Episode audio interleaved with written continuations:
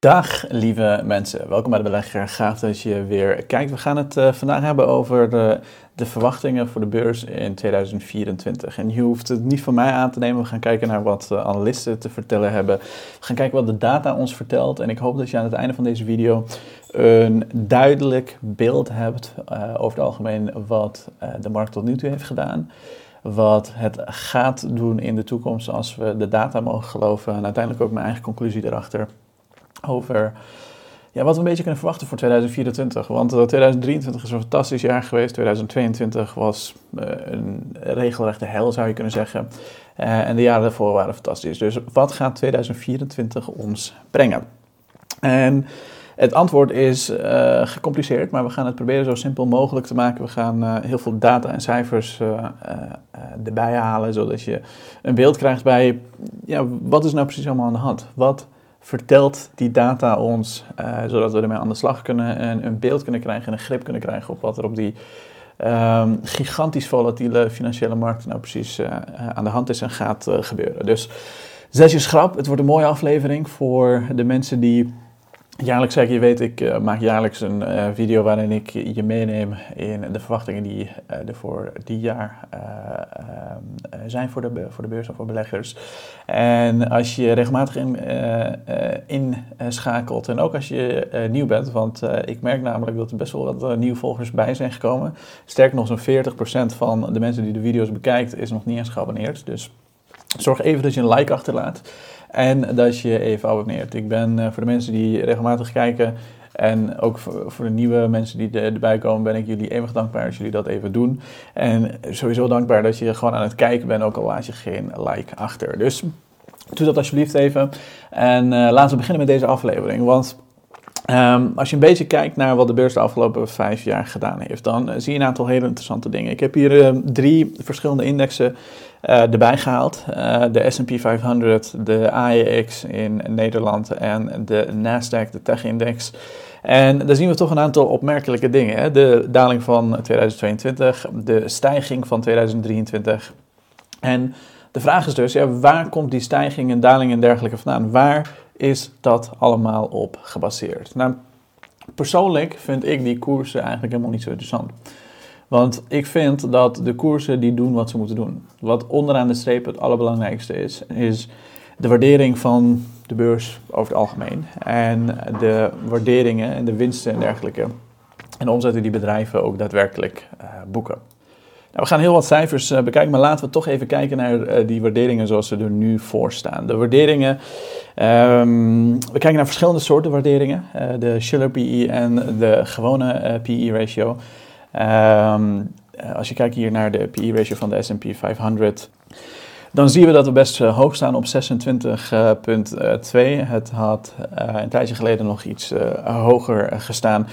Je ziet verschillende pieken en dalen, maar je ziet wel één duidelijke trendlijn. En dat is dat elke piek groter is dan de vorige. Dus elke bubbel is veel groter dan de vorige bubbel, zou je kunnen zeggen.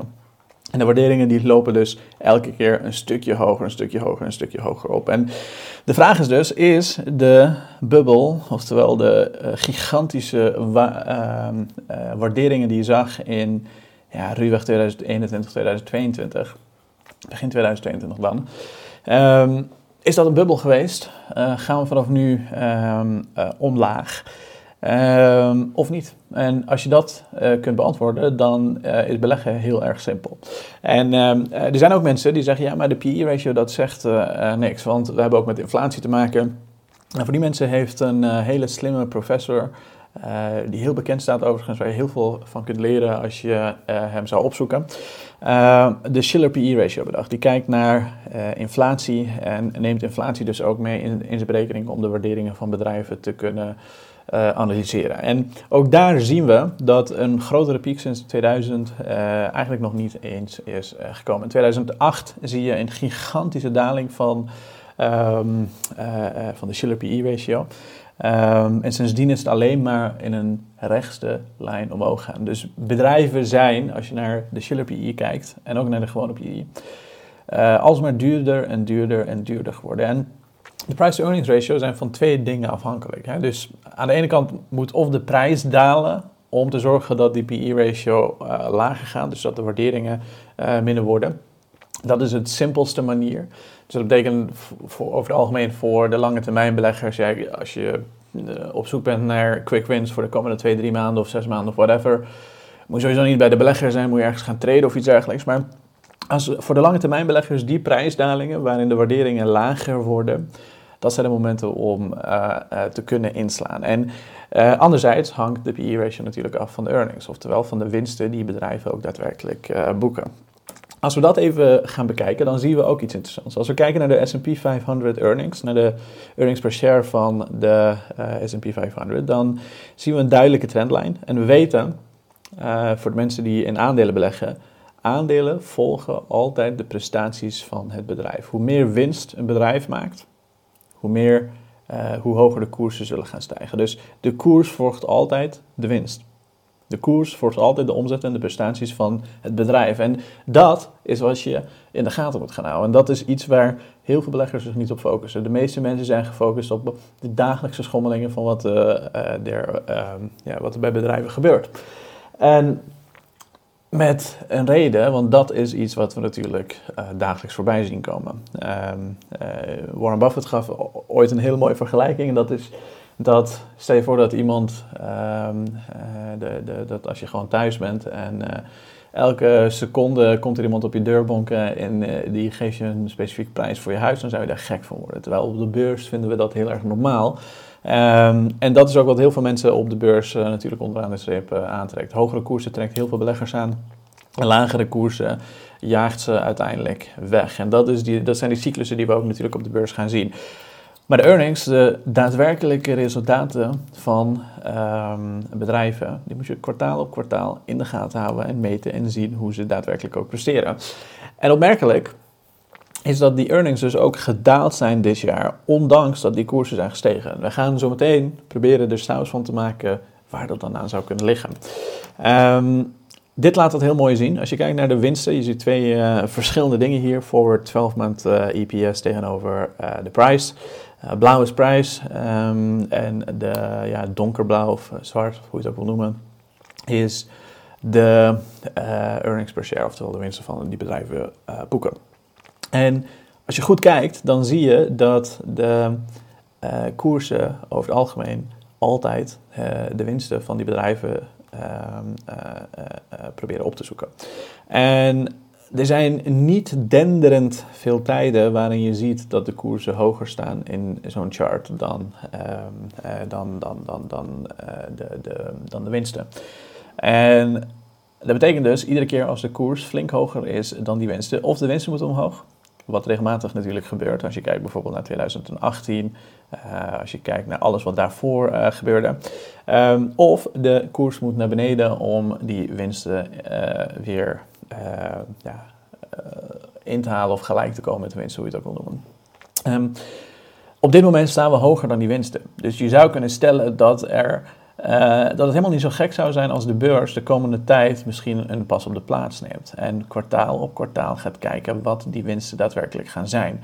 Want, nou goed, we gaan dat zo meteen even uh, bespreken. Maar uh, ik, ik, hoop dat je dat even meeneemt. Als we kijken naar Amerika, Amerika blijft groeien. De US GDP, oftewel de bruto binnenlands product van ehm, de Amerikanen, blijft groeien. Zit op 6,35%. En dat is grappig, want er werd natuurlijk een recessie verwacht. En wat is een recessie? Een recessie is als twee kwartalen op rij, zoals je dat bijvoorbeeld in, uh, tijdens de COVID-pandemie zag, zoals je dat in 2008 zag. Uh, als je twee kwartalen op rij een economische krimp krijgt. Dus een krimp in de GDP of de bruto binnenlands product van de VS zou betekenen dat je in een recessie zit. Als je naar deze cijfers kijkt, dan zitten we heel ver verwijderd van een recessie. Dus de, de cijfers vertellen ons uh, wat anders. Uh, er is wel heel veel bangmakerij uh, wat, wat er speelt natuurlijk. En de vraag is dus ook, hoe kan het dat zoveel economen er zo ernstig naast zaten? En dat komt volgens Warren Buffett omdat economen eigenlijk een beetje weermensen zijn. Je kan niet weten wat uh, het weer uh, op uh, zo'n lange periode zou kunnen gaan doen. Misschien dat je het voor vandaag of morgen zou kunnen bekijken, maar voor een hele lange periode is dat zo goed als onmogelijk onweetbaar. En dan moet je in principe ook niet mee bezig gaan als lange termijn belegger. Als lange termijn belegger is je enige werk om te zorgen dat je goede aandelen tegen een redelijke prijs koopt voor een hele lange periode. En hoe meer kansen de beurs je biedt, hoe vaker je ze grijpt, hoe meer rendement je onderaan de streep ook gaat overhouden. Ehm, als we dan kijken naar ehm, real GDP, want er zijn natuurlijk altijd mensen die zeggen, ja, maar die economische groei of die EPS of whatever, dat komt allemaal door inflatie. Dat is niet echt. Ook als je kijkt uh, naar inflation-adjusted uh, eh, GDP growth, oftewel real GDP growth, dan zie je dat er een stijging is van 3% geweest. En dat komt omdat, ten eerste omdat die inflatie daalt, want hier zie je een stijgende lijn, daarnet zag je een dalende lijn. Um, dat komt omdat die inflatie natuurlijk uiteindelijk ook is gedaald. Goed, um, dus Amerika blijft groeien, winsten blijven groeien. Um, de waarderingen zijn relatief hoog. Dus je zou kunnen zeggen, ja, uh, we kunnen eventueel een, een, een, klap gaan verwachten. En ik denk eerlijk gezegd dat dat niet gek zou zijn. Ik zou het zelfs willen dat dat gebeurt. omdat dat koopkansen biedt. Omdat heel veel bedrijven waarschijnlijk uh, wat goedkoper zullen gaan worden. En je weet, koopkansen die uh, raken de hele beurs vaak. Niet een specifiek bedrijf, niet uh, verschillende bedrijven, maar heel veel bedrijven die gaan eronder lijden. Want er komt altijd een stukje angst en paniek. En vaak heel veel korte termijn traders en dergelijke, die zullen wat winst nemen, die zullen gekke dingen gaan doen. En dat zorgt voor de lange termijn belegger voor hele mooie kansen. En als je kijkt dus naar deze chart, dan zie je interessante zaken. Je ziet in dit jaar, zie je uh, vooral een daling in de EPS. Je ziet een blauwe lijn en je ziet een uh, zwarte lijn. Um, de blauwe lijn is de prijs. Prijs blijft stijgen, dus 2023, hè, dus heel 2023. Zie je dat um, de S&P blijft stijgen, richting de 48.000, uh, ja, zoiets. Um, 4.800 moet ik zeggen, 4800. En de EPS, oftewel de winsten van bedrijven, die blijven maar dalen. Die blijven per kwartaal lager zijn dan waar ze een jaar geleden stonden. En toch blijven die koersen stijgen. Nou, waar ligt dat aan? Waar komt dat door? Dat is het interessante en dat is iets wat um, de beurs zo interessant maakt, want de beurs die kijkt natuurlijk altijd vooruit. En als we kijken naar de vooruitzichten, als we kijken naar wat er verwacht wordt voor 2024, en nogmaals, die verwachtingen hoeven niet per se waar te komen. dus het, hoeft niet te gaan gebeuren. Uh, je moet kwartaal op kwartaal, elk kwartaalcijfers gaan kijken welke bedrijven in al die angst en paniek, want sommige bedrijven die zullen het goed doen, sommige eh, wat minder. Nu hebben we het over een heel, eh, de hele S&P 500. Um, maar er zullen bedrijven zijn die wel worden geraakt omdat er angst en paniek in de markt staat, maar die het eigenlijk heel goed doen onderaan de streep. Dus je ziet het bedrijf het fantastisch doen, maar de koersen blijven dalen.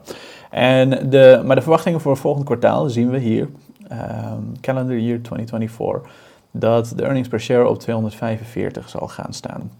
En de verwachting is dus dat in kwartaal 1 uh, eh, een IPS van 56 wordt uh, gemeten, terwijl dat 54 was in uh, 2000, het jaar daarvoor, 2053 was het toen. Um, dus 3 dollar meer earnings per share. earnings per share. Um, in het, tweede kwartaal zien we 60, terwijl het 54 eh, was in het tweede kwartaal 2020, 63 in het derde kwartaal en 64 tegenover 58 in het vierde kwartaal 2024. Dus doorgaans wordt er verwacht dat uh, de earnings, oftewel EDPE-ratio, dat de earnings hoger gaan. En de prijs die volgt, die loopt dus al vooruit op die earnings wat er dit jaar zouden kunnen worden uh, geboekt. En de vraag is dus of dat ook daadwerkelijk gaat gebeuren. We weten bijvoorbeeld dat de nieuwe kwartaalcijfers eraan zitten te komen uh, aan het begin van vorige maand, einde van dit, uh, deze maand. Uh, zullen bedrijven weer beginnen met het rapporteren van een kwartaalcijfers. Dan kunnen we gaan zien of die verwachtingen ook daadwerkelijk gaan uitkomen. dat zal ik hier ook op YouTube met jullie behandelen en anders op Instagram als dat beter uitkomt. Dus de verwachtingen zijn intens. De verwachting voor het eerste kwartaal is dat er een groei van 6,4 uh, voor earnings komt en een omzetgroei van 4,3.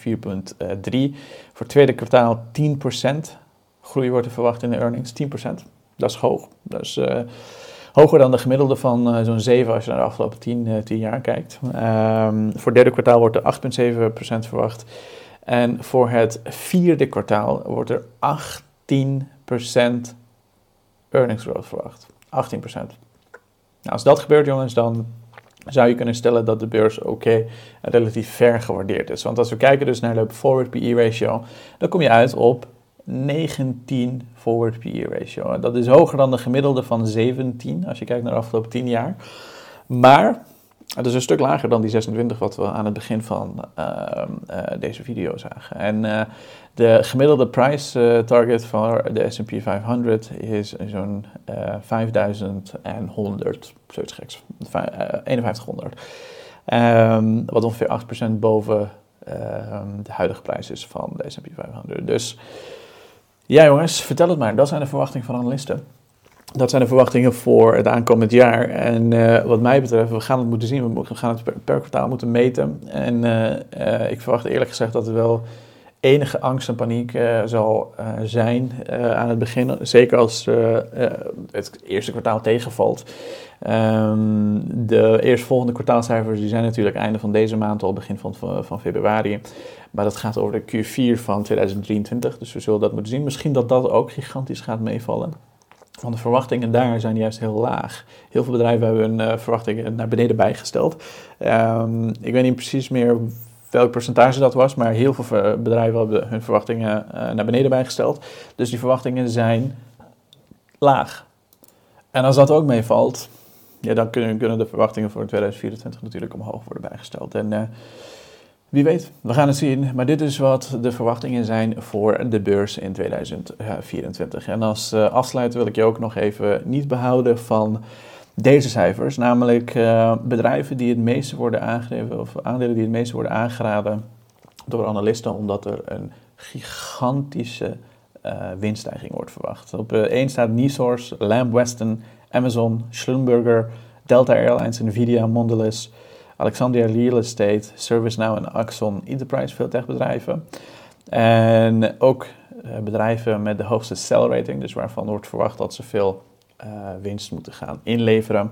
Zijn Snap-on, Clorox, Hormel, Principal Financial Group, Consolidated Edison, Paramount, uh, T. Rowe Price, Expeditors, Robert Half, Franklin Resources en ga zo maar door. En voor de mensen die nog niet genoeg hebben van de verwachtingen van analisten, uh, wat ik ook heb gedaan is op debelegger.nl een artikel geschreven waarin je alle analyses terugvindt van elk verschillende bank um, over de verwachtingen die zij hebben voor het aankomend jaar in 2024. Als je dat interessant vindt, klik even op de link hieronder, dan kan je dat allemaal rustig in je uh, eigen tijd nalezen.